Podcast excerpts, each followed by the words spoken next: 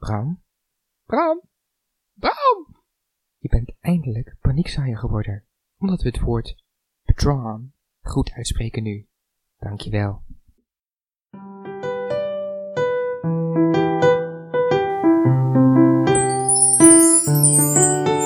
Duik een tunnel in met theorie. Gebruik statistiek of filosofie. Bestudeer gedrag, is dat een slinkse lach? Met een sterke hint kom jij voor de dag. Wie is de mol? Oh, we vinden hem niet. Er is totale tunnelpaniek. Totale tunnelpaniek. Hallo lieve luisteraars en welkom bij Totale tunnelpaniek. Dankjewel Minke. Mijn naam is Tigo en ik bespreek vandaag aflevering 3 van Wie is de Mol, seizoen 21, samen met Dennis, Lars en helaas kon onze hintman Jan er dit keer niet bij zijn. Maar gelukkig was een oude bekende bereid om voor hem in te vallen. Dag Chardo, oftewel Daan, de terugblik-sjamaan. Hoi Daan, welkom terug in de podcast. Hallo. Wil je jezelf nog even voorstellen aan de nieuwe luisteraars? Zijn er nieuwe luisteraars sinds vorige keer? Dan, eh, nou ja, ik ben nieuw. Hallo, ik ben Daan, 25 jaar. Ik eh, weet best wel veel van Wie is de Mol, dus daarom zit ik hier ook bij. En eh, dat was het. Oké, nou laten we dan maar beginnen, want er valt weer een hoop te bespreken. De aflevering heet Vanaf hangen. En de opdrachten waren nogal ingewikkeld dit keer. Dus laten we maar snel beginnen bij opdracht 1. Kameraad. Kandidaten komen in een bijzonder hotel met allerlei filmthema's. Per duo krijgen ze elk een kamer. En elke kandidaat vindt een envelop met daarin zijn of haar testantwoorden van de afgelopen test. Ze moeten dan een soort van escape room doen en middels een codewoord ontsnappen. Hoe meer testantwoorden ze naar waarheid openbaren, hoe meer hints naar het codewoord ze voor hun tweetal kunnen verdienen. Elk duo dat ontsnapt verdient 500 euro en het eerste duo krijgt ook nog eens per persoon twee jokers. Uiteindelijk ontsnapt het eerste duo van Charlotte en René en daarna het duo van Joshua en Marije. Ja, Daan, om maar meteen met jou te beginnen. Wat vond jij van deze opdracht en wat vond jij ervan om jouw favoriete mol te horen? Ik vond het echt een. Nou, het was geen verrassing, want ik hoorde het vorige week natuurlijk al. Maar ik vond het wel heel leuk dat John van Eert best wel heel erg. Nou, veel, ja, hoe zeg je dat? Screentime, audiotime had, zeg maar, in deze aflevering ten opzichte van de andere mollen. Want het eerste wat ik zei toen al die andere mollen geweest waren bij de introductie van de kandidaten was. Oh, John van Eert zit er niet bij. Dat vind ik best wel jammer. En nu hebben al die andere mollen helemaal niet zo'n grote rol gehad. En John van Eert toch best wel. En ik vind het verschil tussen. eh, normaal legt de presentator altijd zijn opdracht uit. En in dit geval waren die kandidaten ergens geplaatst. En hoor je dan opeens een hele andere stem. Ze hadden evengoed ook gewoon Rick kunnen gebruiken voor deze opdracht. En Rick dingen op laten nemen. Maar in plaats daarvan hebben ze gekozen voor John van Eert. En ik weet niet waarom, maar ik vind het wel een leuke draai. Rick moest even zijn stem sparen. Dus ze dachten van, laat, laat Ja. John het maar doen. Laat hem het harde werk maar doen. Ja, nou ja, John van Eert is natuurlijk ook wel een stemacteur, dus hij is wel gewend om dingen op te nemen. Maar het is wel heel leuk dat ze zo'n draai geven. En ik kan me ook voorstellen dat mensen nu denken van, goh, weer oud mollen heel de tijd. Maar ik vind het leuk om dat toch in het spel te houden. Ja, ik zou zou het eigenlijk ook wel leuk vinden als, als ze bijvoorbeeld een keer oud-winnaars doen of zo. Of andere kandidaten, dat die ook een keer ergens terugkomen. Nou ja, je hebt Horus toch, elke aflevering. Ja, maar wat meer variatie dan dat. Dat is geen winnaar. Ja, nee, maar ik bedoel, op zich, winnaars hebben ook best wel een grote rol gespeeld in elk seizoen. Dus die, Nou, zal ik je even twee winnaars opnoemen die best wel een grote functie hebben gehad in Wie is de Mol? ja, Art en Rick. ja, eh, En anders, ja. ik bedoel, jou als kandidatenbegeleider bedoel je? Oh ja, Sarah ook. Sarah en Karin? Vivienne heeft uh, Molta ook volgens mij voor één of twee seizoenen gepresenteerd. Ja. En Patrick ook. Arjen Lubach. Ja, en, eh, en Kees en Chris en Margriet en dat huidige duo van tegenwoordig. Marlijn en Rob. Uh, die hebben echt moltak naar beneden gehaald. Ja, maar goed, wie eh, vonden jullie verdacht in deze opdracht? Oeh, gaan we er nu al mee? Ik denk dat Lars dat even mag zeggen. Oké, nou dankjewel dat je dat doorpast naar mij. Sowieso zou ik zeggen dat de personen die als eerste een vraag fout hebben beantwoord, verdacht zijn. Omdat je daarmee toch alweer de toon zet in jouw groepje van eerlijk zijn. En dat zijn dus, ja, Florentijn ligt eruit. Je hebt dan ook Joshua, Lakshmi, ik zeg weer Lakshmi, Lakshmi en Roxanne, Rocky, die dus een vraag als allereerst fout hebben beantwoord. Daarmee heb je toch in je eigen groepje ook wel dan die toon gezet. Voor de rest zou ik zeggen dat als mol weet je de hints al en de uitleg daar naartoe. Dus dan probeer je ook mensen daarvan af te leiden. En dat vond ik niet heel duidelijk Ja. naar voren komen in deze aflevering. Je had wel Joshua en Marije en die hadden blijkbaar al alle hints. De kaarten die lagen al helemaal overhoop. Je had dat bord met de letters van het alfabet. En daar hadden ze al allemaal letters uitgehaald. Dus dan zou het ook niet heel snel duidelijk zijn geworden dat daar die U miste. Dat hadden ze gedaan nog voordat ze die hint überhaupt wisten. Dat hadden ze al in het begin gedaan. Ik kan me er voorstellen dat Joshua super fanatiek is en dan gewoon zeg maar overal alles helemaal kapot gaat maken en gaat scheuren. Dat, eh, dat, dat vind ik wel Je, relatable. je hebt, je hebt natuurlijk dan ook wel echt gewoon Joshua en Marije, gewoon de twee meest hyperactieve kandidaten van dit seizoen, bij elkaar in één kamer. Ja, dat gaat los natuurlijk. Ja. ja, die dynamiek was ook prachtig. hadden wel echt een leuk momentje. Dat toen Joshua voor de tweede keer had gelogen. En dat Marije toen echt zei van... Echt, Joshua, ik haat je. ja. Het was wel onverdacht van Marije, dat ze, ze was wel echt gewoon Joshua aan het aansporen om het echt, echt goed te doen. Ja. Ja. Gaan we nog chronologisch langs eh, door de opdracht heen? Of mag ik nog even wat dingen van het einde noemen? Nou ja, we doen het niet, meestal niet heel chronologisch, dus... Oké, ik wil even benoemen dat ik het echt heel grappig vind. Hoe Charlotte uiteindelijk op het Ja. antwoord is gekomen. Dat was, dat was echt, echt grappig. Ook, gewoon echt dat ze echt zo'n zo'n is van, ja, ik denk dat het nul is. Nul? Ja, maar dan ben je toch niet de mol, weet je? Nee, nee. Sowieso iedereen, iedereen die op het antwoord is gekomen, dat is dus Charlotte. René heeft wel echt goed geholpen, dus ik vind René ook niet verdacht hierin. En in dat andere duo was het Marije die als eerste zei Ja. 21 en Joshua zei dat is het antwoord. Dus Ja. Ik heb in deze opdracht wat, eh, wat verdachten afgestreept. ja, Ja, ik vind het überhaupt knap dat Charlotte nog na- bij dat antwoord is gekomen. Want ze had een hele, hele Ja. compleet foute redenatie ertoe. het, wa- het was iets van die O die leek Ja. op een 0 of zo. En dan had je dus Ja, Dan had je dus de 9 van het horloge, plus de 4 van de dobbelsteen, dat is 13. Plus 8 moet je dan, en waar hebben ze die 8 van gedaan? Kaarten nog, toch? De, en net als hadden de, de vijf lag bovenop, toch? Zoiets. Maar ze had uiteindelijk een 8 en een 0, en dan heb je dus 21. ja. Ja. Echt heel raar, maar goed, het was het juiste antwoord. Ja, het is ze gelukt. Maar ja, dan heb je dus wel de mensen die niet eruit zijn gekomen. Nou, Florentijn was er eentje van, dus je hebt er drie die dan wel verdacht zijn. Wat vinden jullie daarvan? Ja, ik heb op dit moment sowieso eigenlijk twee echte verdachten nog. En die deden hier allebei, deden ze hier wel iets raars. Splinter, die ging gewoon af en toe gewoon opeens weer foute antwoorden geven. Ook de laatste, waardoor ze sowieso niet konden ontsnappen. En dat deed hij een beetje on- onder het mom van... Ja, ik heb al te veel weggegeven. Terwijl hij ook daarvoor ook nog een keer zei van... Oh ja, dat ging per ongeluk. Ja, precies. Dat vond ik ook heel raar. ja, maar die vraag waarbij hij het fout had gedaan, die eerste vraag waarbij het per ongeluk ging, was ook he- heel raar om te doen, want dat was een ja-nee vraag. Dus als hij dat oprecht zou hebben gedaan, dan hadden de anderen toch geweten wat hij zou hebben Ja. geantwoord. Dus dat was Ja, dus dat was heel erg raar. heel vreemd. En daarnaast viel Lakshmi mij ook op dat ze sowieso.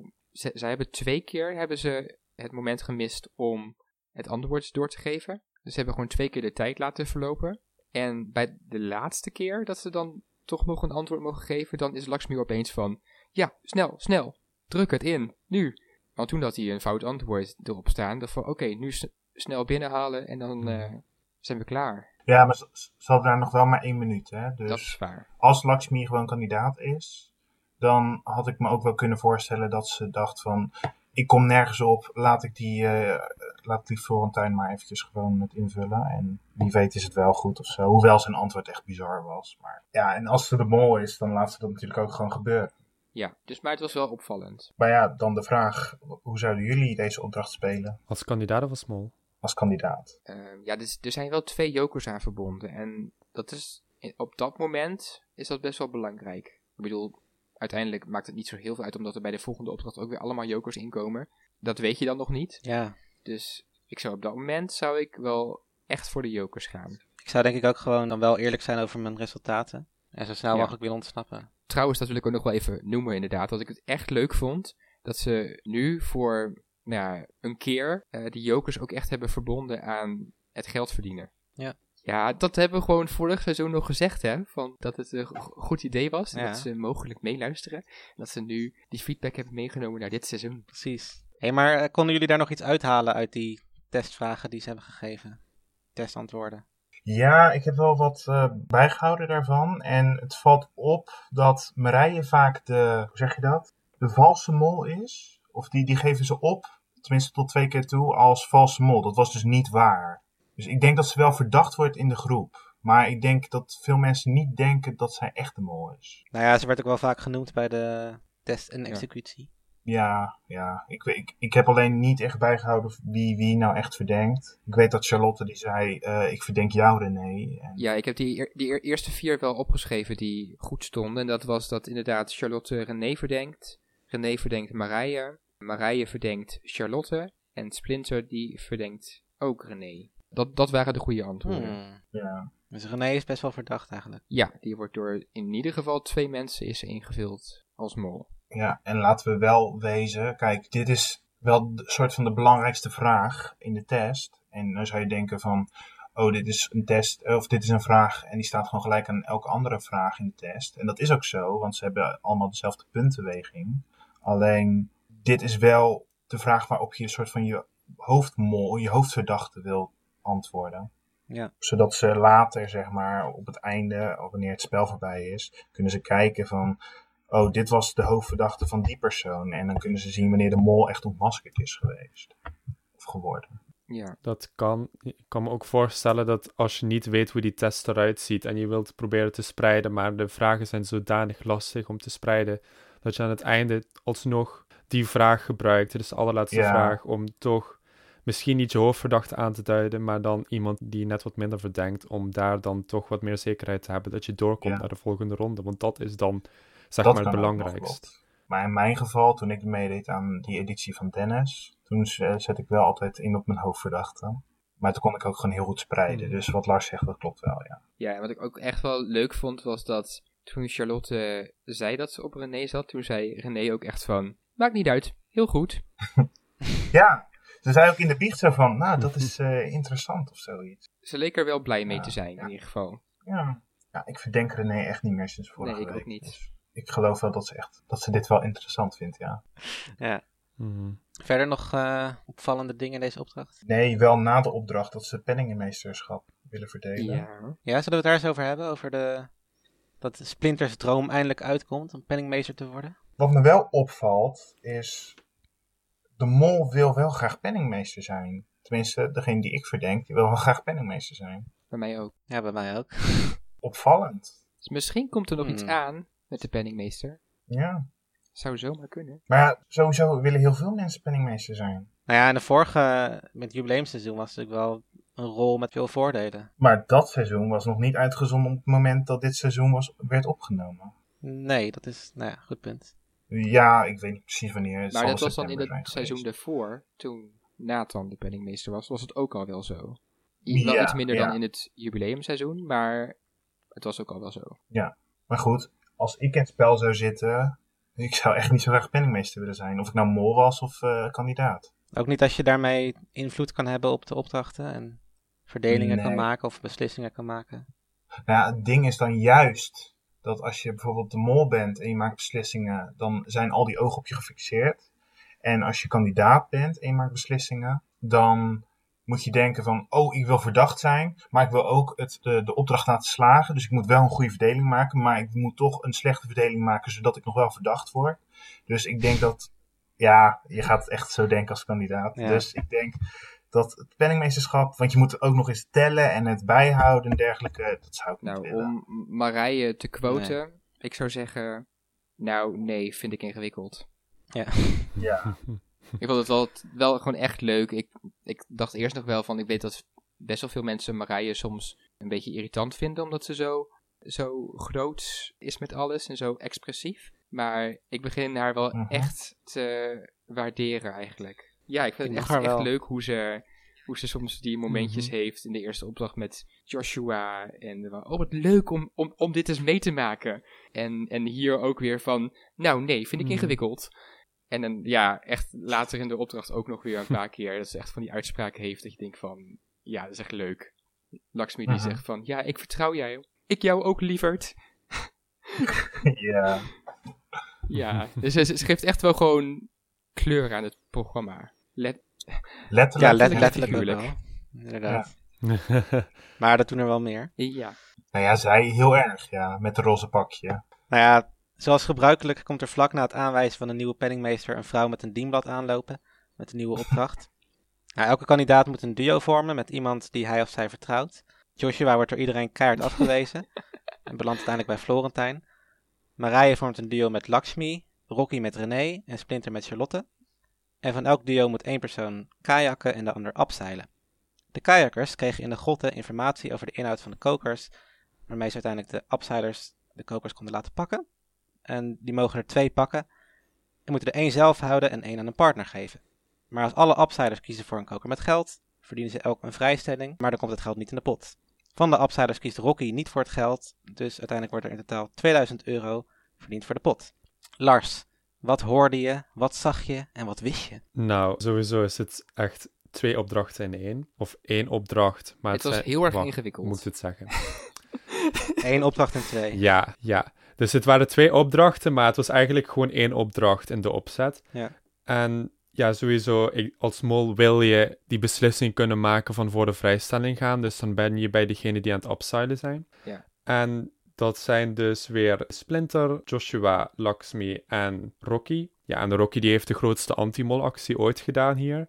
En die is voor, het, ja, voor de jokers heeft ze gekozen. Dus heeft ze geld aan haar teammate gegeven. En daardoor bedrag in de pot gespeeld. En je hoorde meteen, ja, best wel... Ik weet nou eigenlijk niet of ze allemaal ervoor hadden gekozen om wel voor die vrijstelling te gaan. Of dat ze zeiden van, nou, eh, we beslissen dat individueel. Want je hoorde wel meteen Lakshmi toen Rocky dat zei. Ze van, wat is dit?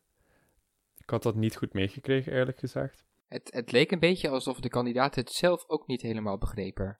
Want inderdaad, Lakshmi die was ook Ja. inderdaad heel verbaasd over waarom Rocky voor de Jokers had gekozen. Terwijl Rocky inderdaad zo zat van, ja maar hallo, wij gingen toch geld verdienen, dus dan, dan moet ik dit doen. En die snapte niet waarom de rest dat niet had gedaan. En je hoorde Charlotte, die natuurlijk in de andere groep zat, die hoorde je ook echt zo van, ja nee, Rocky die is voor het geld gegaan toch? En die was toen ook helemaal verbaasd dat er geen geld uitkwam. En eigenlijk een soort van teleurgesteld. Terwijl, dan hadden ze vrijstellingen gehad. Dus voor mijn gevoel was het bij sommige kandidaten ook niet helemaal duidelijk. Nee, klopt. Ik moet ook eerlijk bekennen, de eerste keer dat ik het keek, toen dacht ik ook van, oké, wat is er nou precies gebeurd allemaal? Ja, ik zat inderdaad toen Rick zei van vier vrijstellingen. Zo van, ja, maar is dat dan voor de upsell mensen of voor de andere mensen? Of, en wanneer wordt er nou wel, geld verdiend en wa- wanneer niet? Het gaat om gunnen, zeg maar. De ander iets gunnen. En vanzelfsprekend wil je een andere kandidaat eigenlijk geen voordeel gunnen. Dus geen jokers gunnen. Maar wel geld meegeven voor het groepsbelang. Dus als die andere kandidaat beneden de upseilers allemaal geld gaven. Dan gunnen ze dus die andere, dus die upseilers geen jokers. Maar dan verdienen ze wel allemaal een vrijstelling. En dan hadden ze dus wel een nadeel. Dus dat was een soort van de dubbele laag die erin zat, die ik wel begreep. Maar inderdaad, wat Lars zegt, is wel de grootste anti-molle actie van Rocky om dan niet het geld te pakken en voor de jokers te gaan. Echt hoe raar dit ook klinkt, maar Ja. want als mol weet je waar het geld ligt en nou ja, Rocky is ook niet een mol, dus Nee, dat was al duidelijk, denk ik. ja. Nee, maar Rocky zat wel, Rocky zat wel bij die eh, escape room opdracht. Bij het groepje dat niet was ontsnapt. Dus op zich kon je daar Rocky niet afstrepen, maar nu kan je Rocky wel afstrepen. Jee. Jas. Wat vonden jullie zelf van de opdracht? Nou, ik vond het eerste gedeelte, dat, dat vond ik leuk. Dat snapte ik ook nog. Dat was gewoon dat kanoën. En ik vond het heel mooi in beeld gebracht. Ik vond het leuk dat de Ja. oud-mollen erin zaten. Ik vond het René superleuk. Dat hij helemaal weer de weg kwijt was. Zoals in elke, elke aflevering moet Ja. ze ergens een moment hebben dat ze gewoon in totale paniek is. Ze is eigenlijk waarschijnlijk gewoon best wel fan van ons. Maar ja, nee, dat was echt gewoon ook grappig om, om naar te kijken. Ik bedoel, ze deed ook nog een soort van hoofdschouders knie- en teen dansje eh, tijdens het varen. Maar ja, ze is wel een Ja. hele goede actrice die waarschijnlijk heel goed teksten kan onthouden. Dus waarschijnlijk werkt het wel. En ja, bij het afzeilen ging bij mij alles een beetje, beetje draaien eigenlijk. Net als dat kantoor wat opeens omhoog ging. ja. Ja. Dat was wel vet trouwens. Had dat eh, stuk met dat kano, had dat nou een titel? Ja, Ja, binnenvaart. Dus het waren wel echt drie opdrachten. Oké. ja, alleen was hier dus geen geld te verdienen dan. Nee, maar op zich was er best wel veel bij elkaar te verdienen. Want ze, verdienen, ze hebben toch 2000 euro verdiend Ja, maar dat was ook maximaal hè. Ja. Oh, is het zo? Oh. Maar heeft de mol hier dan gefaald, zeg maar? Heeft iemand nog iets echt verdachts gedaan? Ik denk dat de mol wel hiervan bepaalt. Dus de mol die heeft wel gefaald, maar ja, dat kan gebeuren. Ja, Het, het ding is, de mol heeft... Ja, het ligt er maar net aan wie de mol is natuurlijk. Ik bedoel, kijk, stel dat Joshua de mol is, dat is hij niet. Dan had hij een beetje recalcitrant kunnen zijn en had hij kunnen zeggen tegen Florentijn van... Nee, ik vertrouw je niet, ik pak lekker dit kokertje en je zoekt het maar uit. Maar ja, als iemand anders de mol is, die wel volgens zijn of haar karakter zijn partner vertrouwt... Ja, dan kan je niet zomaar uit je karakter stappen en zeggen... Nee, ik vertrouw je niet. Dus ja, in dit geval nee, ik denk dat de mol inderdaad gewoon heel erg voor die vrijstelling wou gaan. En dat dat gewoon helemaal geblokkeerd werd door Rocky. Dat is denk ik waar het fout is gegaan. Dat Rocky in die groep zat, überhaupt. Ja. Maar ja, daar kan je als mol ook niet heel veel aan doen. Nee. Ik denk wel dat als mol kan je wel, als je bij de abzeilers zit, wat ik wel denk, dan kan je heel traag zijn, waardoor je wel ziet wat de rest pakt misschien. Ja, Snap je? Want volgens mij zat, zat het geld wel allemaal, of alles op dezelfde Ja. hoogte, Ja, elk item. Dus ik denk dat als je bijvoorbeeld al ziet dat iemand geld heeft gepakt, of iemand anders die heeft, ja, dan moet je wel heel erg letten op de andere hoor. Maar dat kan in theorie, kan je natuurlijk op de andere letten en kijken wat ze pakken. En dan kun je zelf bijvoorbeeld geen geld pakken of zo, wanneer het wel uitkomt of wanneer het niet uitkomt.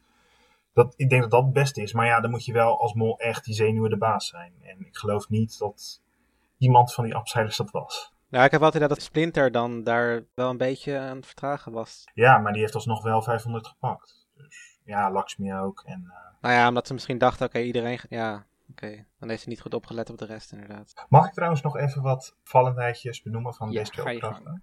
Want de tweede opdracht, dus de derde opdracht eigenlijk, de tweede opdracht die we nu dus benoemen, dat is, die heet Rode Draad, of De Rode Draad. En als het goed is, ik heb het niet gecheckt, is dat dezelfde naam als een opdracht had in 2018. Aha. Dat is niet zo van, hé, hey, dit is een aanwijzing, maar het is meer zoiets van, goh, ze recyclen opdrachttitels. Dat is een beetje zwak. Ja. Benno Mentveld is eh, Hmm. zijn creativiteit even kwijt. Ja, Nou, ja. ja.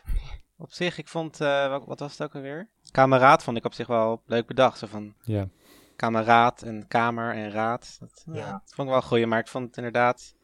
Ja, het is een beetje wisselend. Molten biken. Ik had dit ooit ook een keertje in mijn eigen uitgezette Wie is de Mol spel. Een opdracht en die heette Kameraden. Ah, Oké. Toen eh, moesten ze kamertjes vuren of zoiets. Maar, eh, dus ik dacht van, hé, hey, deze woordspeling ken ik al eigenlijk.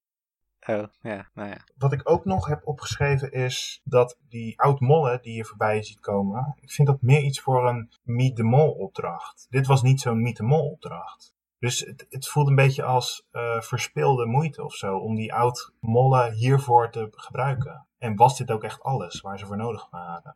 Want hun uitspraken, ik dacht eerst van, daar zit nog wat achter. Eh, wat hoor je, wat zie je of wat ruik je, weet ik veel. Eh, eh, wat, wat proef je? Maar ehm, ik vind het jammer dat het hiervoor is benut. Als dit echt het enige is. Ja, Ik vond het ook een beetje, elk seizoen heb je dat weer, dat die oud-mollen weer, eh, ja, dat die geheimzinnige leuzen komen. En ik heb op een gegeven moment zoiets van, ja, eh, nou weten we het wel een beetje. Dat is niet elk seizoen. In 2016 had je al dat klooster. Ja, dat is het enige andere seizoen volgens mij. Vorig jaar had je het ook wel een beetje met, met die bakjesopdracht, dat je ook al die mollen Ja. had, die, van die geheimzinnige... Dat zijn inderdaad de enige twee, volgens mij, die je kan benoemen. Maar dat is eigenlijk ook een jubileumseizoen. Daar past het ook wel meer bij. Ja. Ik ben het er wel mee eens. Nu voelt het een beetje, ja, Ja. out of place. Ja, dat is waar. Hadden ze toch winnaars moeten doen misschien? Nou, ik vind mollen zijn wel iconischer dan winnaars. Maar dat is toch ook een soort van dat ze goede raad geven aan de nieuwe kandidaten van hoe je het spel wint. Hmm. Nou, dat kunnen ze doen. Maar het komt wel op hetzelfde neer in principe. Want je haalt gewoon iemand erbij van voorgaande seizoenen. Ja, Of het nou de mol is of een oud kandidaat of zo. Mollen zijn gewoon iconischer. oké. True. Wat vinden jullie van het aantal troeven in dit seizoen tot nu toe? Want ik heb het idee dat, dat het er meer zijn dan in, eh, in eerdere seizoenen. Ja, een stuk meer. Ergens vind ik het wel leuk of zo. Om dat gewoon een keertje in overvloed in het spel te brengen. Ehm, want toch in voorgaande seizoenen, in het vorige seizoen bijvoorbeeld, had je echt alleen maar aan het begin even jokers. In 2020 deel 1 had je ook maar heel eventjes die vrijstellingen en die zwarte vrijstellingen. Dan kwam het ook helemaal niet aan bod. Er is zelfs een seizoen geweest waar helemaal geen troeven, of tenminste geen jokers aan bod kwamen. Dus ik vind het wel leuk dat ze nu eventjes denken, nou, we gooien lekker die hele kraan open en hier voor jou een joker en voor jou en voor iedereen een joker. Ja, ik vind het wel leuk als ze zeg maar bij een opdracht eraan verbonden zijn, zoals bij de escape rooms was. Maar als je bijvoorbeeld bij de Blacklight Ballerinas opeens random over het veld jokers verspreidt, terwijl de opdracht zelf al gewoon best wel pittig is, ja, dan, dan heb ik zoiets van, het leidt heel erg af van het uiteindelijke doel en dat vind ik ook e- ergens wel jammer. Ja, ik vind het wel leuk als ze erin zitten, maar voor mijn gevoel is het dit seizoen al wel een beetje overused. Vooral ook de- deze laatste opdracht met vier mogelijke vrijstellingen, twee jokers, één joker. In principe had, hadden ze dus maximaal drie jokers per duo kunnen binnenhalen, dus drie keer vier jokers. Plus dan nog zeg maar twee jokers voor elk duo als ze waren ontsnapt in de eerste opdracht. Dat is Ja. echt wel potentieel echt heel veel jokers. Nou ja, alleen voor het eerste deel dat ontsnapt. oh ja, ja nee, oké, ja. Alleen het eerste duo. True. Maar besef ook, de vrijstellingen, ze hadden gewoon, de helft van de kandidaten had nu gewoon een vrijstelling kunnen hebben. Ja, En in de eerste aflevering kon ze ook al een vrijstelling krijgen. Dus het is echt wel, eh, nou, flink eh aanpoten met die jokers en zo. En nog geen zwarte vrijstelling. Nee, dus- Eigenlijk was ik ook gewoon heel erg blij dat eh, Rocky het vrijstellingenplan gewoon helemaal omver liep. Ja, en Florentijn ging dus met twee jokers naar huis uiteindelijk. Die die wel Ja. volgens mij had ingezet. Maar ja, dat, dat zegt ook wel iets toch nog over de kwaliteit van de mol, denk ik. Ja, Ehm, Dat de derde afvaller, die zit dus nog zo fout, dat twee jokers hem niet helpen. of iedereen zit al zo goed dat Florentijn misschien als enige fout zat, ondanks zijn twee jokers. Dat kan ook. Oké, maar hij zat op Joshua. maar ook echt bijna iedereen had ook gewoon twee jokers, hè? Ik bedoel, Is het zo? Mariah Ja. had, had in ieder geval één joker. Marije, René, Charlotte. Charlotte had er twee. Ja, maar die heeft er maar één ingezet. Ja, en René had er ook twee. Rocky, Ja, Rocky heeft er twee ingezet. eh Florentijn, nou, Florentijn Schuit al. Ehm, Nou ja, Joshua had dus niks. En het leek er ook echt op gewoon alsof Joshua ging afvallen met alles, hoe, hoe dat allemaal in beeld kwam. ik vond trouwens wel, eh, nu, dat springt even in mijn hoofd. Ik vind het wel echt vette karma voor Florentijn hoor. Want die Joshua die zat zo van, ja, eh, we waren een team en zo. En, en Marije die gaf haar joker weg aan Lakshmi. Dus ik dacht, wel echt fijn dat die eh, Florentijn gewoon even lekker op zijn kop krijgt. En een rood scherm krijgt. Want hij ging ook al een aflevering geleden, ging hij voor de joker in dat ballerina kasteel. Hmm. Nou ja, en hij kon ook voor de jokers gaan in, dat, in die andere opdracht zonder, zonder problemen, maar dat deed hij niet. Nee, maar ik vind het toch een beetje een egoïst. En dat moet je ook zijn in het spel, maar hij is, nou, het mag gezegd zijn, ik vind hem saai. Ik vond hem echt compleet uit de toon vallen in de groep. Als hij denkt dat Joshua de mol is, dan kan ik ook snappen dat hij niet zijn jokers geeft. Dus ik weet niet of dat een egoïstische zet is. Misschien dacht hij van gewoon, ja, die, dan geef ik mijn voordelen weg aan iemand die ze toch niet kan gebruiken. Ja, want, wa want wat vonden jullie van Charlotte, die een joker weggeeft aan haar mol? Dat is dus het totaal omgekeerde, want je kan dus wel een joker weggeven aan je mol, in ruil voor vertrouwen of zoiets.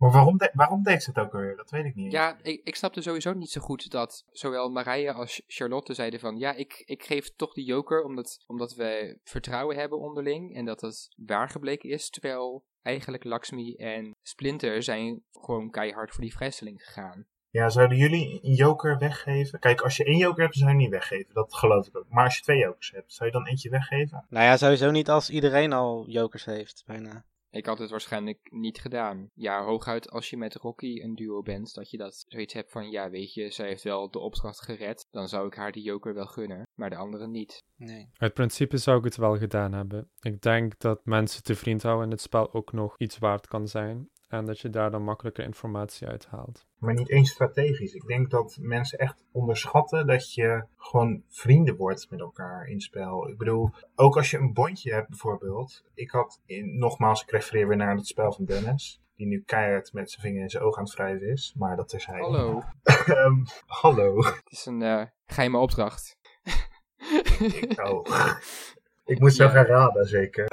Maar ik had toen met Jan een bondje. En ik had, stond wel op het punt dat als ik twee jokers had. Volgens mij had ik dat niet op een gegeven moment. Maar als ik er twee had, dan had ik er wel eentje aan hem gegeven. Nou, wat lief. En Splinter en Charlotte die kenden elkaar blijkbaar al voor Wie is de Mol. Dus waarschijnlijk waren ze al vrienden of zo. Dus dat speelt denk ik dan wel ook een rol. Maar ja, het blijft raar dat je een joker aan je mol geeft. Ja. Maar sowieso, de bondjes in dit seizoen zijn niet echt duidelijk. Want volgens mij zijn Marije en Lakshmi of zo wel een soort pact, maar het wordt verder niet benoemd buiten de opdrachten.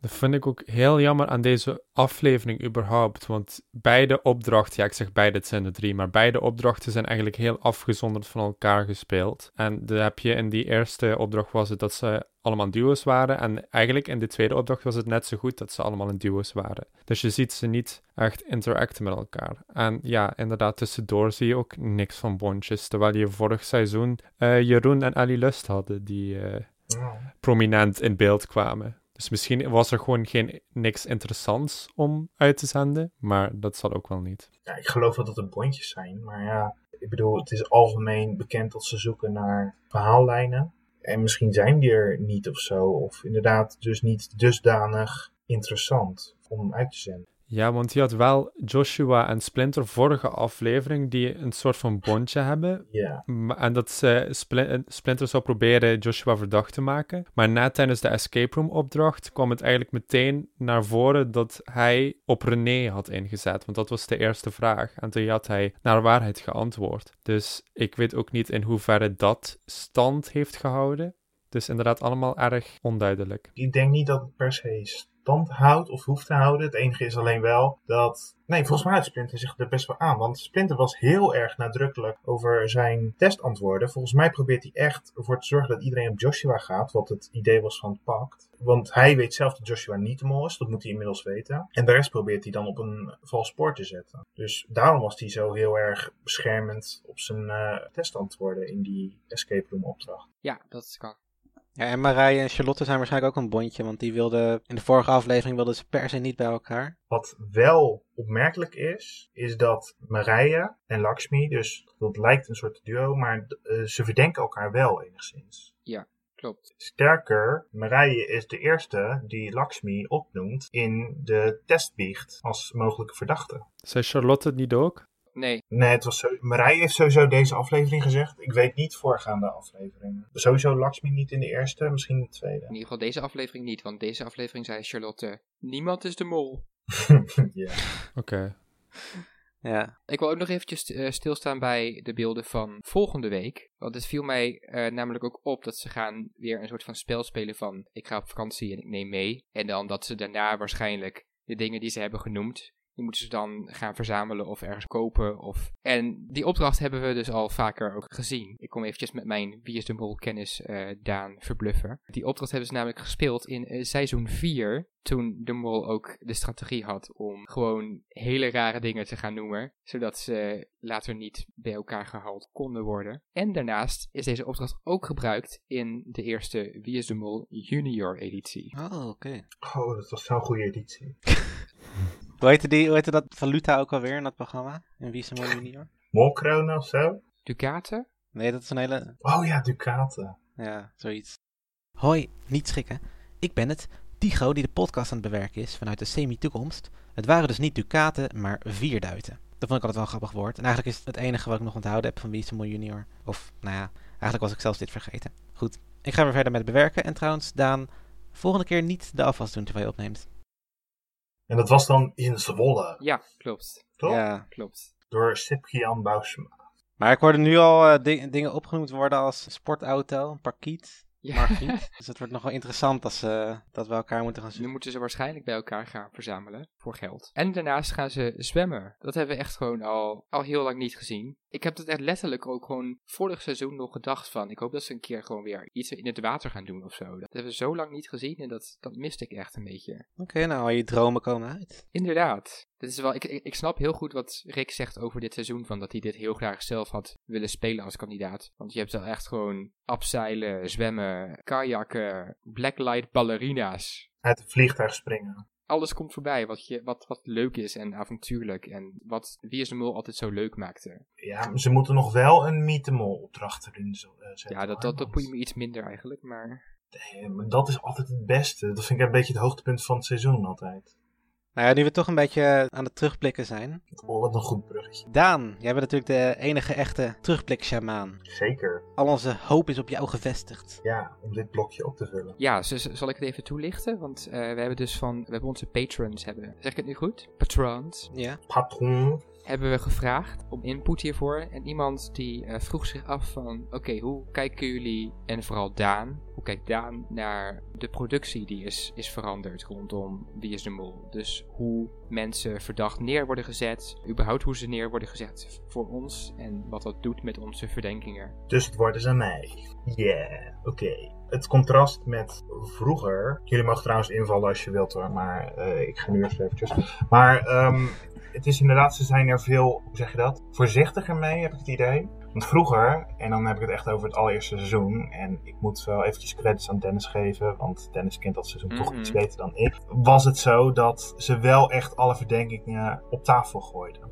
Maar toen was het ook wel een hint. En ook eventjes gezegd hebbende, dat was het eerste seizoen. Volgens mij kon je ook iets in de aftiteling of zo, kon je zien wie de mol was of zoiets. Ja, ja. Je had eigenlijk gewoon, de, de aftiteling was gewoon de volgorde van afvallen. Precies, dus zo simpel was het toen. Goeie oude tijd. Ja, het tweede seizoen had een hele makkelijke hint in de leader zitten. Dus ja, het was best wel makkelijker vroeger dan dat het nu is. Nou ja, heel makkelijk, heel makkelijk. Ik, ik had hem, toen ik het seizoen laatst ging kijken, toen dacht ik nog van, oh, wacht. Dat was me niet direct opgevallen eigenlijk. Ja, het is dat ik het ook inderdaad heb gelezen voordat ik het seizoen had gekeken. Maar Ja, dan, dan zie je het wel.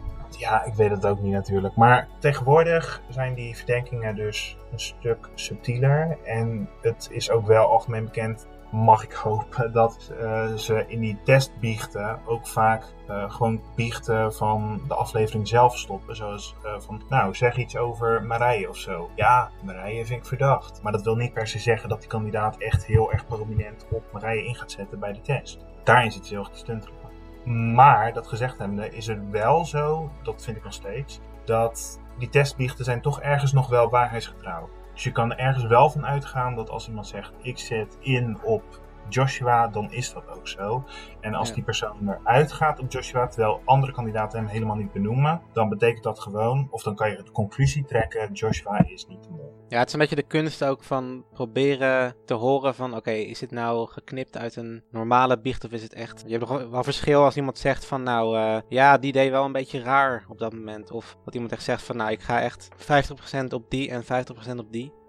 De vuistregel is denk ik echt, als iemand uitspreekt, ik ga op die inzetten, en die, die en die erbij, maar vooral op die, dan kun je ervan uitgaan, die zet echt op die persoon in. Ja. Ja. De rest, daar kan je niet zo heel erg van uitgaan. Want volgens mij is het niet helemaal duidelijk, eh, heb ik gehoord, dat Florentijn ook op Marije heeft ingezet. Omdat hij in zijn dagboek of zoiets, iets dergelijks heeft genoemd. Dat hij maar op één persoon zat. Maar dat heb ik niet gecontroleerd, maar dat heb ik wel gehoord. Ja, inderdaad. Je hebt ook altijd wel, zeg maar, dat je in beeld ziet dat ze dan... Dan zie je zo'n cursor naar een bepaald antwoord gaan. Ja. Maar is dat, kun je daar echt iets mee? Of... Dat totaal niet, want er is niemand op de wereld die zo langzaam een cursor beweegt, zeg maar, in zijn test. En ook echt in zo'n rechte lijn. Als het gaat op tijd, gewoon die tests gaan altijd op tijd, dan doe je dat niet zo langzaam. Dan, dan zie je gewoon van klik, klik, oh ja, hier klik. Dus nee, dat is niet heel erg waardegetrouw. Ik denk wel dat het overeen kan komen soms hoor. Was dit het eh, alles wat we daarover kunnen zeggen? Of... Ja, we kunnen ook nog eh, de biechten zelf benoemen, dat die heel erg verschillen van vroeger. Ja, dat is ook wel echt productieding. Want het verschil bijvoorbeeld dat genoemd kan worden is dat de achtergrond is bijvoorbeeld sinds denk ik 2011 of 2012 altijd zwart. En daarvoor was het op locatie. Ja. Dus dat zag je dan aan de achtergrond waar ze hadden gebiecht. En dat voelde ook meer ah, inderdaad aan als een soort biecht. Van na de opdracht, ik moet even eh, mijn hart luchten of zo. Nu is het meer zo van, nou aan het einde van de dag gaat iedereen biechten. En soms zijn er twee opdrachten op een dag. En dan moet je die twee opdrachten ook in die biecht benoemen. Dus dat voelt toch een beetje anders aan of zo. En ik denk dat ze dat expres zo hebben gedaan, zodat ze gewoon ter alle tijden het erin kunnen plakken. Ja. Hmm. Maar er is wel één valkuil en dat is de kleding die ze af en toe aan hebben. Ja. Ja. Soms wordt wel eens namelijk eh, de biecht van de volgende dag of de vorige dag gebruikt bij een opdracht van de volgende of vorige dag. Terwijl die biecht helemaal niet daarover gaat. Dan doen ze dus een uitspraak. Dan lijkt het over die opdracht te gaan, maar dan gaat het over iets totaal anders. Hmm. Mhm. Ja, ik bedoel, ik ben niet zo fanatiek dat ik echt ga letten op kleding en dergelijke, maar soms is me wel opgevallen. In 2017 had je bijvoorbeeld dat Sanne Jochem ging uithoren over of hij de mol was of niet. En toen zag je biechten van Sanne en Jochem in beeld, maar je zag dat Jochem twee verschillende kledingsetjes had bij twee verschillende uitspraken. Dus dat betekent dat die ene biecht niet over dat gesprek ging, zeg maar. Je moet er maar even terug gaan kijken. Het is aflevering 8 volgens mij. Ja, en wat, wat vind je bijvoorbeeld van situaties, dat is op het forum ook heel veel besproken, dat er wel eens situaties zijn waarbij het absoluut niet klopt. Dus in 2019 had je bijvoorbeeld eh, Sinan, waarvan er eigenlijk bij de testbiecht werd gezegd dat, dat hij goed zat en iemand anders niet goed zat of zo. Ik weet niet meer hoe, hoe dat precies zat. Maar in ieder geval klopt het dan niet, zeg maar, met Merel als mol. Nee. Dat wil ik ook even zeggen, want soms is het door het hele spel heen is het wel duidelijk op wie iemand zit. Maar op het moment dat iemand rood krijgt, gaat hij niet vertellen, ja, ik zit op die. Dus hier is een voorbeeld van Sinan. Sinan zat gewoon echt best wel duidelijk op Merel al de hele tijd. Ja, Maar op het moment dat hij rood krijgt, eh, hoor je dat niet. Ook bijvoorbeeld bij Claes vorig eh, jaar. Claes zat best wel duidelijk op Buddy de hele tijd. Maar in zijn afvalaflevering hoor je dat niet. Zo simpel kan het af en toe wel zijn hoor. Dus denk dat ze graag willen, de makers, dat we terug, eh, dingen terug gaan kijken. Dus dat doen we ook. Maar dit soort dingen kan je best wel makkelijk ontrafelen. Dus het, verstoppen ze dat niet heel erg eh, goed. En zou je op die manier ook een beetje mensen kunnen afstrepen. Dus het is niet zo dat de makers echt alles heel erg geheimzinnig verbergen en dergelijke. En dat je heel goed moet graven altijd. Ik heb inderdaad wel een paar seizoenen ook wel dat wie verdenkt wie eh, een beetje bijgehouden. En op die manier ook wel mensen kunnen afstrepen een gegeven moment. Dus dit is inderdaad wel een hele handige tool die je toch wel kunt gebruiken. Je moet inderdaad altijd wel opletten van hoe betrouwbaar is het wat je hoort en wat je ziet. Maar ja, je kan er altijd wel informatie uithalen op een gegeven moment. Heb jij nog toevoegingen? Lars? Lors. Lars? Of we gaan gewoon door naar Lars, de hint Mars. Oh my god. Ja, Jan, eh, Jan de Hintman die zit deze aflevering uit omdat hij eh, de vegans, de, de dyscalculisten en eh, de bejaarden heeft beledigd in één aflevering. Dus we dachten, ja, voor het imago van de podcast, ja, zit je Time even out. uit deze aflevering. Ja. En dus neem ik de hint-sectie over. Ja, de hints van deze aflevering zijn niet heel erg in overvloed. Dus ik heb ook wat andere hints erbij gepakt die we nog niet hebben bediscussieerd. Oké. Dat is prachtig Nederlands, maar goed. Besproken. We hadden het al eerder over de opdrachttitel, de rode draad. En bij het upsilen gingen er twee mensen aan een rode upsile-draad. En dat waren Joshua en Splinter. Dus misschien is het een verwijzing naar de draad waar zij van afhingen. Wat denken jullie? Ja, je zou zeggen van wel inderdaad. Ja, Joshua is het niet denk ik, dus dan is het Splinter. nou, Opgelost! we zijn eruit. Het, het vervelende aan opdrachttitels is dat ze soms wel verwijzen naar een mol, maar vaak ook eh, niet. Dus heb je er niets aan.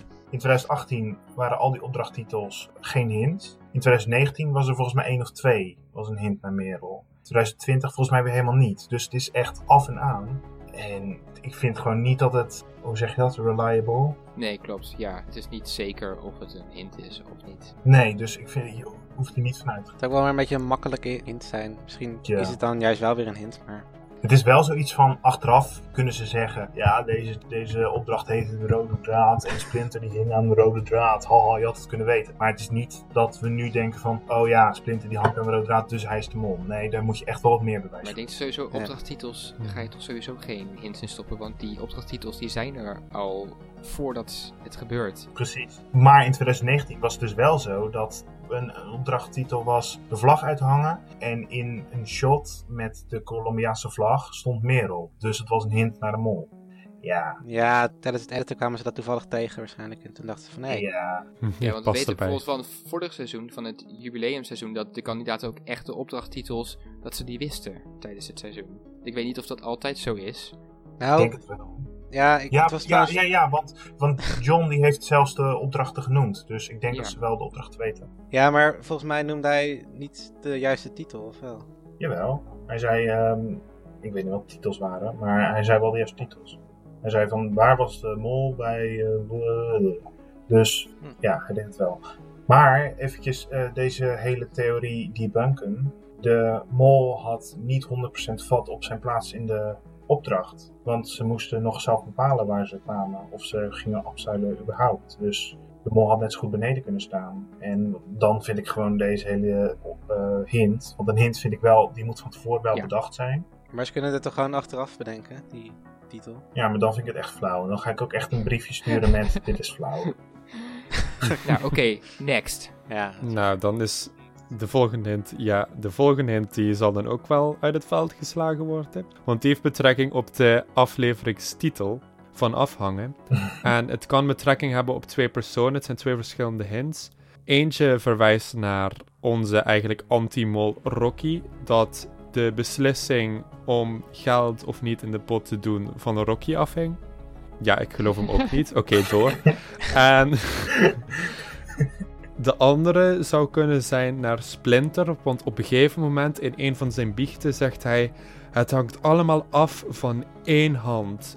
En dat zou dus zijn hand kunnen zijn. Ah. Hmm. Ja, dat, dat kan, kan best een hint zijn, maar ja. Dat Ja. is, Ja. Kan overal slaan. In het vorige seizoen was er een aflevering die heette Déjà Vu. En Nicky zei toen letterlijk Déjà Vu, maar dat was geen hint, want Nicky was niet de mol. Ja, maar ik vind dit soort hints vind ik gewoon altijd... Het is niet echt heel creatief. Ik, verwacht eigenlijk anno 2021 wat leukere hints dan dit. Eigenlijk. Ja. Het kan een, het kan een hint zijn, maar... ja, maar ja, verwachten of uiteindelijk waarmaken, ja. Er zijn Ja, twee hopen. verschillende dingen. True. Die hint kwam trouwens van fs van weesdemol.com forum. Oké. Even... En dan de volgende hint, die hebben betrekking op de... Oh nee, wacht, er is nog eentje die verwant is aan deze opdracht. Het is dat tijdens het kajakken zou... Je hebt normaal, in de- ook in de leader heb je de lach van de joker, die... Tenminste, dat is wat de mensen zeggen, de lach van de joker die heel erg naar voren komt. En René zou die lach nagedaan hebben tijdens het kajak. René deed wel, deed wel meer dingen in die kajak. En daar gaan we nu even naar luisteren. Ja, niet zegt. Ja. Oh, ik dacht iemand gaat die lach nadoen of zo. Ja, jij toch? Ik weet niet eens hoe die lach gaat. Nou, dat, dat laten we Jan wel doen. Zoiets. Is die niet heel hoog, die lach? Zo, ja, ik ga het niet nu doen. Maar Geen idee. oké. Maar was het niet gewoon de, de lach van René, voordat we haar per ongeluk beledigen? Of was het echt een hele rare lach die ze deed? Nee, dat was wel gewoon haar lach. Oh. Maar ze zou het zeg maar precies zo na hebben gedaan. Het betekent toch helemaal niks per se. Want Horace die zat ook in de leader, zeg maar, met zijn Trust Nobody in 2011. En hij was niet de mol. Dus je hoeft niet per se de mol te zijn om in de leader te zitten, toch? Nee, en eh, Tim met... eh, hier, kijk hier nodig. ja. Ja, en, en al- als we, als we dan Ja, dus René, als we die beledigen, dan geven we gewoon Jan de schuld, toch? Ja, we hebben de ouderen toch al Ja. beledigd, dus nou ja, dan, dan beledigen we haar twee keer. Kan hij volgende week meteen even terugkomen met een Jan Ja. Apology. Ook namens ons. Hallo, dit is Dennis tijdens het monteren. Ik wacht eigenlijk op een Lars apology, maar volgens mij durft hij zich niet meer te vertonen. Dus namens Lars en de rest van de podcast. Wij hebben het hier over de lach van René. Maar dit is eigenlijk de lach van Marije. Sorry voor alles. Het lijkt alsof we echt een mol hebben in deze podcast. Zet nu je punten in. Oké, door. Oké. En er was nog een hint die naar het nummer 21 zou kunnen verwijzen. En dat is dat Lakshmi geboren is op 17 april. En dat is 17 plus 4 is 21. Nou, God, dit is zo erg. waar, waar heb je die gevonden? Ja, dat heb ik ook geen idee meer op het internet. Ik ben, eerlijk gezegd, ik ben alles afgegaan. Ik ben YouTube-filmpjes afgegaan. Ik ben Reddit afgegaan. Ik ben weesdemol.com forum afgegaan. Maar ik ben niet overtuigd van de hints die in deze aflevering echt... Misschien zaten er gewoon weer zijn. geen hints in. Dat zou kunnen, inderdaad. Het begint erop te lijken. Maar ik denk ook een beetje komt omdat er maar twee opdrachten waren deze aflevering. is er niemand eh, met de leeftijd 21? Nee. Ik geloof dat Splinter de jongste is en die is ouder dan 21. Oké. Nou ja, kom proberen. Geprobeerd. Nou, ik heb ook nog een ongerelateerde hint aan deze aflevering, maar deze hebben we geloof ik nog niet benoemd. En het is dat je in de eerste aflevering zag je in de eerste kamer dat overal kaarsjes aanstonden. En tijdens de Blacklight Ballerina's zag je overal vaccinelichtjes. Ook best wel prominent en ook best wel veel bij de muziekdoosjes staan. Dat je ook kon afvragen van waarom staan er zoveel. En dit zou een verwijzing kunnen zijn naar de hindoeïstische godin Lakshmi, die de godin van het licht is. En zij wordt elk jaar tijdens de Diwali vereerd, waarbij mensen kaarsjes opsteken. Eh, Oké. Wat vinden jullie? te- dit kan je niet uitleggen, denk ik. Jawel. Nou, Toch? ik, weet niet, ik vind dit, wel, dit vind ik wel een, echt een typische... Ja, maar kan je, kan, je dit, kan je dit makkelijk uitleggen in zeg twee zinnen of zo? Kaarsjes, God, Lakshmi. Moet dat dan pas in twee zinnen? Ja, Gewoon in ja. steekwoorden.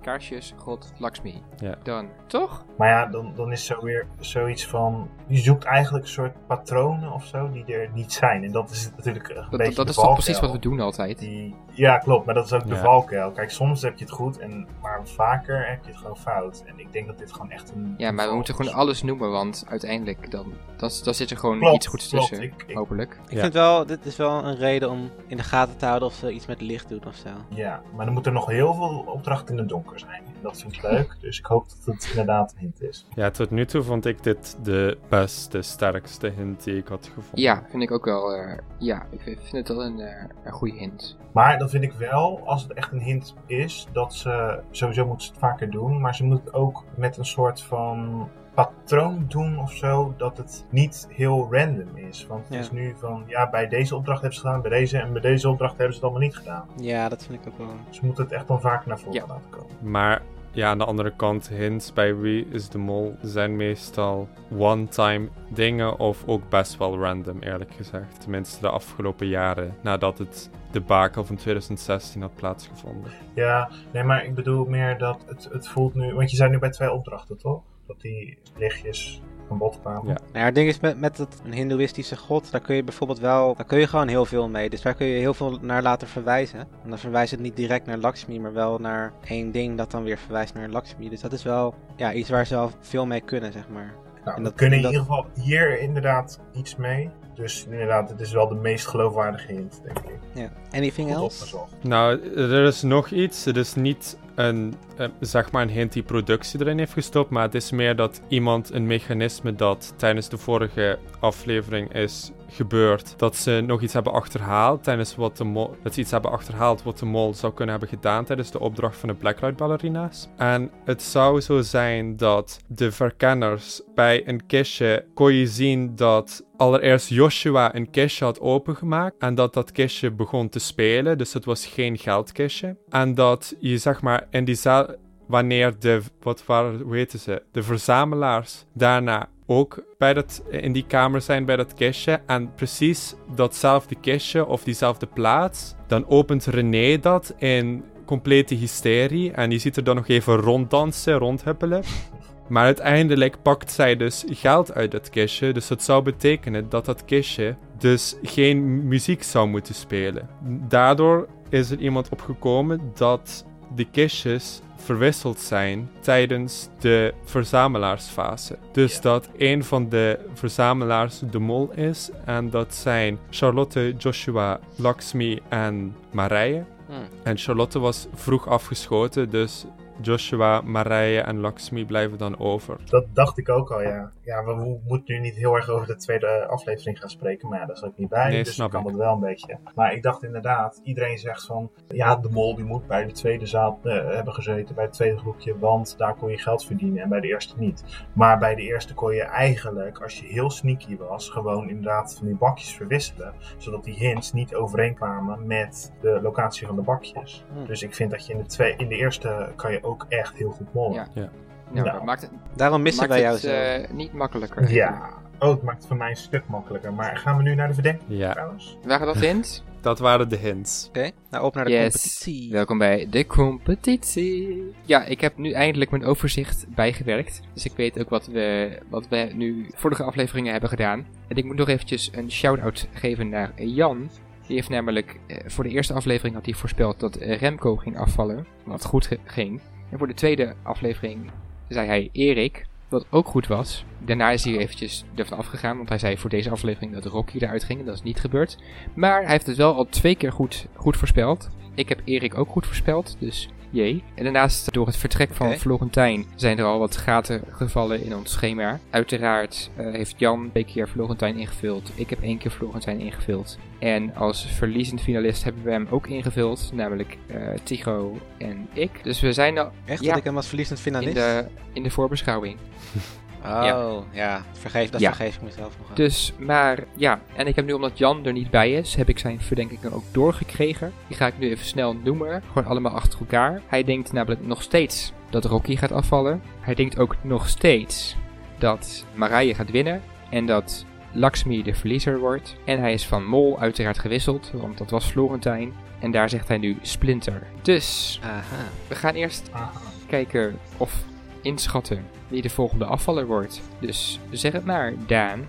Hoe kan ik ooit meedoen met deze competitie als ik zo selectief aanwezig ben? Ja, je moet gewoon voor de leuk meedoen. We willen gewoon weten. Ja, klopt. Ik bedoel, voor de mensen die niet weten, ik zat een keertje in de, eh, wat was het, de, de extra A- After Dark. of hoe heet dat? De After Dark. Oh, de After Dark. Maar goed, daar heb ik een keertje ook gezegd wie ik volgens mij eh, af wil zien vallen. Of waarvan ik denk van, oh ja, die gaat winnen of zoiets.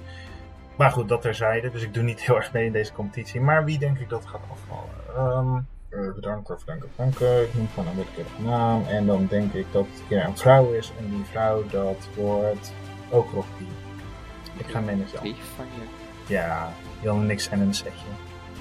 Dan gaan we door naar Lars. Ja, ik hoop het niet, maar ik ben bang door wat we te weten zijn gekomen deze aflevering dat René gaat afvallen. Oh jee.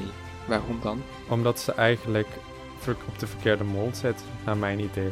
Ze zit op eh Ja. Marije vooral. Tycho. Ja, ik denk ook Rocky of René. Ja, ik wil eigenlijk allebei dat, dat ze allebei erin blijven. En Rocky is sowieso mijn favoriet. Dus ik ga zeggen dat Rocky... En Daan die zit nu echt zo te kijken van what the fuck. Maar Daan die heeft er geen verstand van.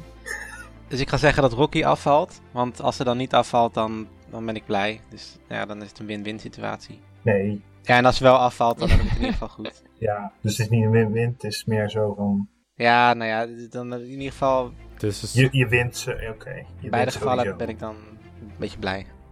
Ja. Ja. Ik blijf eigenlijk bij mijn vorige afvaller. Dus ik zeg dat eh, Joshua eruit gaat. Oh ja, dat kan ook ja.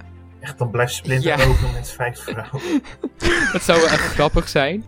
Maar Joshua ze zit ook echt gewoon op Rocky en René. Like, what? Dus ik had eigenlijk al verwacht dat hij er nu uitging. Maar ja, ik, eh, ik denk volgende keer. En dan blijft inderdaad Splinter over met vijf vrouwen. Dan gaan we naar de eh, verliezend finalist. lijkt me leuk. En dat wil ik horen van Tycho. Nou, ik wil alvast spoilen dat ik van Mol ga wisselen. Oh, oh. Dat heeft ook invloed, denk ik, op mijn eh, winnaar en verliezer finalist. Ik weet niet eens meer wie ik als verliezend finalist had tot nu toe, maar ik ga voor... Oké, hij dan, dan blijf ik gewoon bij Lakshmi. oh jee, ga je nu weer live, eh, live wisselen nog? Of Nou, ik was al na de aflevering, toen was ik eigenlijk al gewisseld. Dus ehm, ja, dat zien jullie straks. Horen jullie straks. Oké. Dan Lars.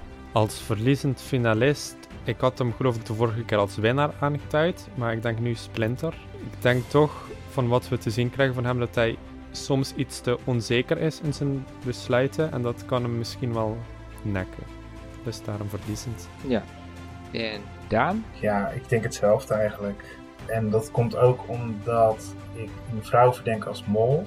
En omdat ik denk dat een vrouw de winnaar gaat worden. En ik weet niet, ik hoop gewoon dat het wel een, dat er een man in de finale staat, zeg maar.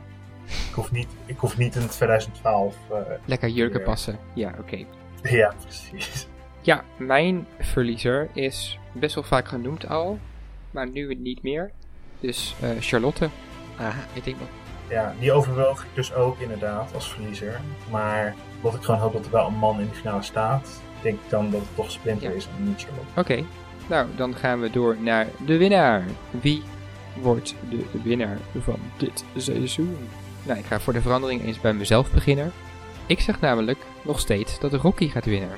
En dat zou ik Ballsy move. Dat, ja, dat zou ik eigenlijk, eigenlijk ook wel leuk vinden. Want we hebben het laatst ook wel over gehad wat nou een goede winnaar is. En eh, volgens mij zijn we het vrij eens dat Vivienne wel een van de beste, als niet misschien de beste winnaar is van Wie is de Mol. Ook doordat ze gewoon niet Yes. netmold en gewoon heel veel van de pot zelf heeft, heeft opgebracht. En dat gevoel krijg ik nu bij Rocky ook wel een beetje, dat ze echt wel de, gel, de, de pot aan, de, aan het spekken is.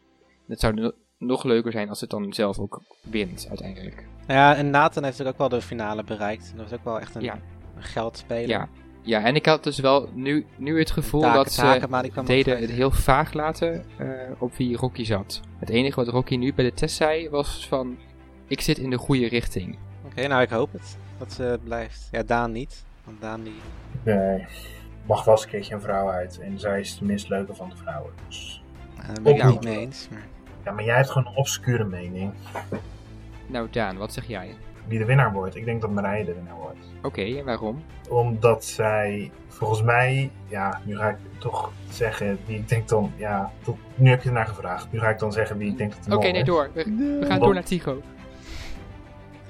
Ja, ik denk, ik denk nog steeds dat Charlotte gaat winnen. En ik zeg niet waarom. Oké, dan gaan we door naar, naar Lars. Ja, ik had dus al eerder deze af- uitzending had ik twee mensen verwisseld in wat ze zouden hebben gezegd tijdens de test. En dat zijn Charlotte en Marije. Dus ja, ik had eerst Charlotte opgeschreven, maar ik moet, ja, nu moet ik ook Marije zeggen voor als winnaar. Om waarschijnlijk dezelfde reden als Daan, maar dat gaan we zo bespreken. Want nu komen we bij de vraag van het programma. Wie is de mol? Nou Daan, jij wil het volgens mij heel graag toelichten, dus kom maar door. Ja, Lakshmi is de mol. En ik zit echt een beetje in een soort van toch tunnelvisie. Oh jee. Want ik heb Lakshmi genoemd in die After Dark als de mol. Die nog niet voor het eh, online staat. Maar mensen kunnen dat factchecken. maar toen verdacht ik haar nog niet helemaal. Maar dat begon echt vorig, vorige aflevering. Begon het wel een beetje te spelen. Ik dacht van, ah, weet je, de mol hoeft niet per se bij de geldverdieners bij die tweede groep te zitten. Mol kan ook bij, hé, wacht even, Lakshmi, wat heb jij allemaal voor haar gedaan? Dus, eh, en deze aflevering vind ik Lakshmi echt enorm verdacht eigenlijk. Oh. Ze is niet uit de escape room gekomen. Ze is, weet ik veel, eh, ook gewoon haar positie als kandidaat vind ik dusdanig origineel dat ze best wel een unieke mol kan zijn. En ook gewoon een keuze kan zijn geweest van de productie. Dus al met al vind ik gewoon Lakshmi de mol. En ik denk dat niemand mij naar deze tunnel gaat halen. Nee. dat- Tenzij, tenzij ze op een gegeven moment echt weer 2000 euro zou gaan winnen voor een aflevering. Maar dat zie ik echt niet gebeuren.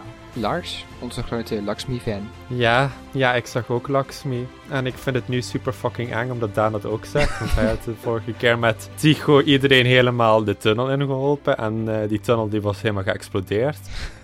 Maar ja, ik ben ook wel eigenlijk zelf tot het antwoord gekomen. Dus ja, ik, ik ben het wel een beetje eens. Want ja, voor mij ook. Ze wordt heel erg afgezet als een goede kandidaat. Die heel, net zoals met de Blacklight Ballerina's, heel goed haar best doet om mensen naar de juiste plek te leiden. Maar zoals ik net zei tijdens de hint, van waarschijnlijk zijn kistjes omgewisseld. En zou ze dat dus kunnen hebben gedaan om, ja, om ze juist precies naar het verkeerde kistje toe te helpen.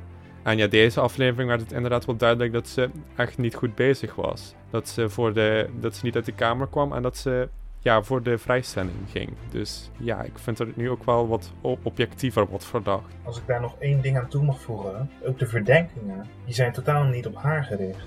Op- Ja, Iedereen volgens mij is wel eens genoemd. En Lakshmi is nu één keer een soort half genoemd door Marije. En dat is alles. Ik bedoel, het is wel een soort van wie is de mol traditie om heel erg trots dan die mol niet te noemen in de biechten. Zo van, nou, iedereen wordt verdacht behalve de mol. Ha, ha, ha. En dat doen ze nu dus weer, lijkt het. Ja, nou, Tycho, wie is de mol? De mol. Ja, nou, ik zat vorige keer op Marije. En met heel vlak daarachter Charlotte. Nou, na deze aflevering heb ik Charlotte eigenlijk wel met een potloodstreepje doorgestreept. Marije eigenlijk ook wel een beetje. Want, nou ja, zij is uiteindelijk ook wel ontsnapt. En dat kwam ook wel deels door Joshua. Maar ik vond ook, zeg maar, hoe ze aan het eind... Dat is iets heel subtiels. Maar hoe ze dan bijvoorbeeld zo zei van... Ja, ik heb twee jokers en ik geef er eentje aan Lakshmi. Ja, dat vond ik... Dat, dat, dat was zo, kwam, kwam zo oprecht over dat ik denk van... Hmm, oké. Dus ja, ik heb Marije eigenlijk een beetje naar, eh, naar achter geschoven. En dan komt bij mij toch Splinter naar boven. En ik had trouwens ook, dat was vlak voor aflevering 1, had ik een Splinter in mijn vinger. Dus dat is misschien ook een hint naar Splinter. Dus. En ik vond hem gewoon, ja, ik heb nu bij, bij, bij, alle, bij alle kandidaten wel een beetje dat ik om bepaalde redenen ze wat minder verdenk. En bij Splinter heb ik eigenlijk heb ik dat nog niet echt. Dus ja, Splinter is de mol. Echt top onderbouwing.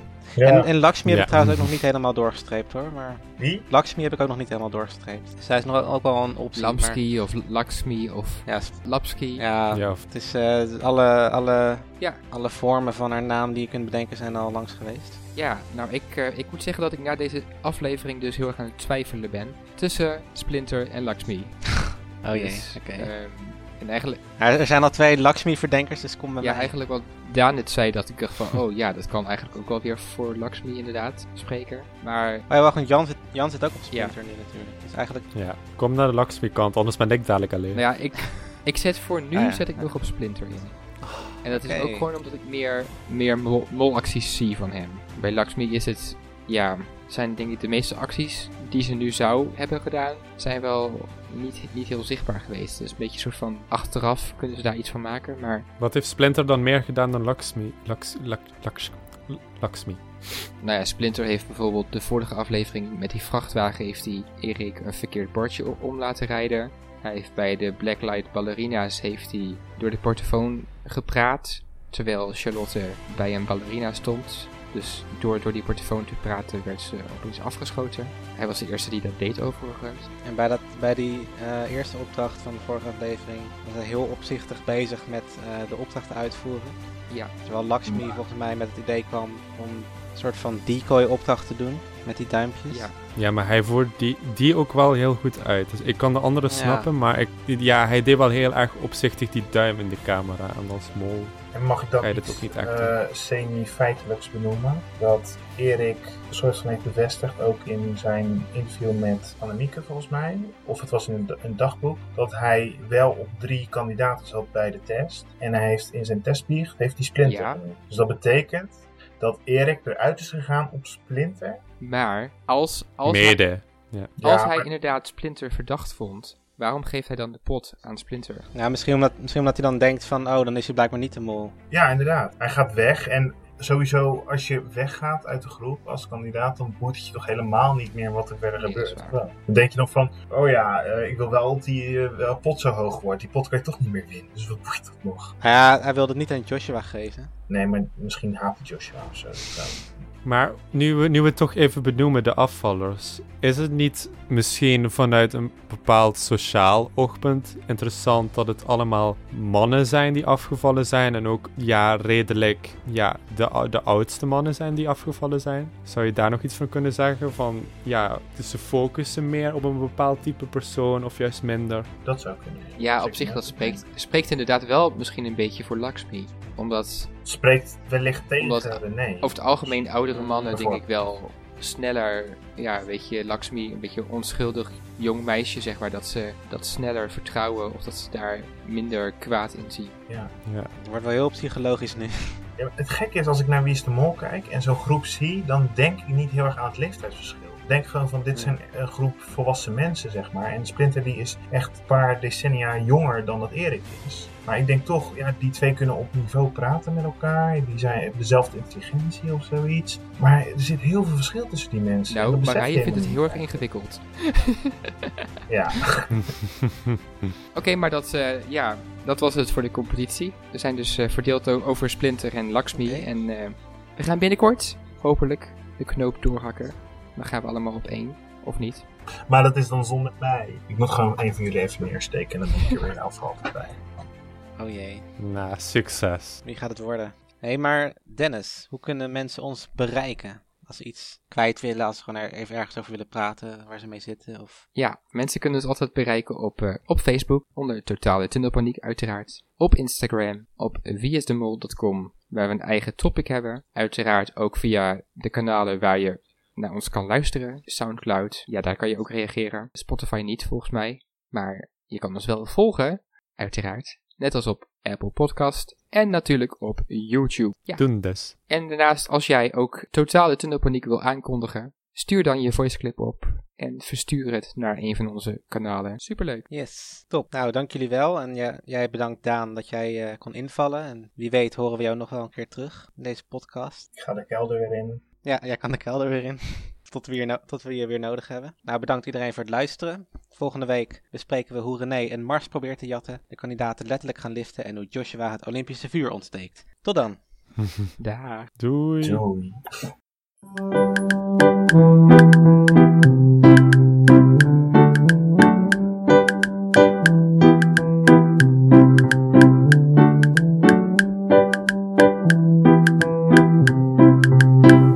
was totaal.